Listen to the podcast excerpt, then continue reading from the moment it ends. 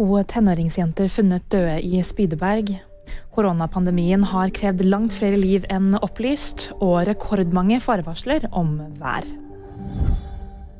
To jenter i tenårene er funnet omkomne i Spydeberg. Det var natt til søndag politiet fikk et nødanrop fra en privatadresse om to tenåringsjenter som hadde inntatt en mulig overdose med narkotika. Det opplyser politiet i en pressemelding. En mann i 20-årene er siktet for å ha hensatt jentene i hjelpeløs tilstand. Det var en tredje tenåringsjente på adressen som ble fraktet til sykehus.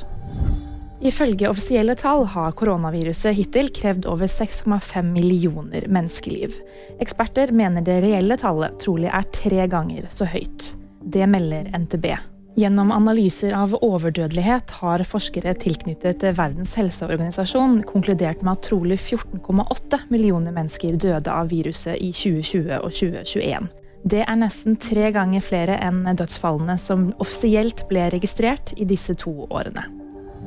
Det kom rekordmange farevarsler om vær i 2022. I fjor ble det sendt ut 1102 farevarsler om været fra Meteorologisk institutt.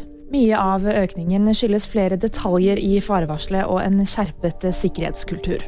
Værvarslingsdirektør Bård Fjugstad ved Meteorologisk institutt bekymrer seg for en ulv-ulv-situasjon, og sier de jobber med å avgrense farevarslene. VG nyheter fikk du av meg, Anna Julie Bergesen. Thank you.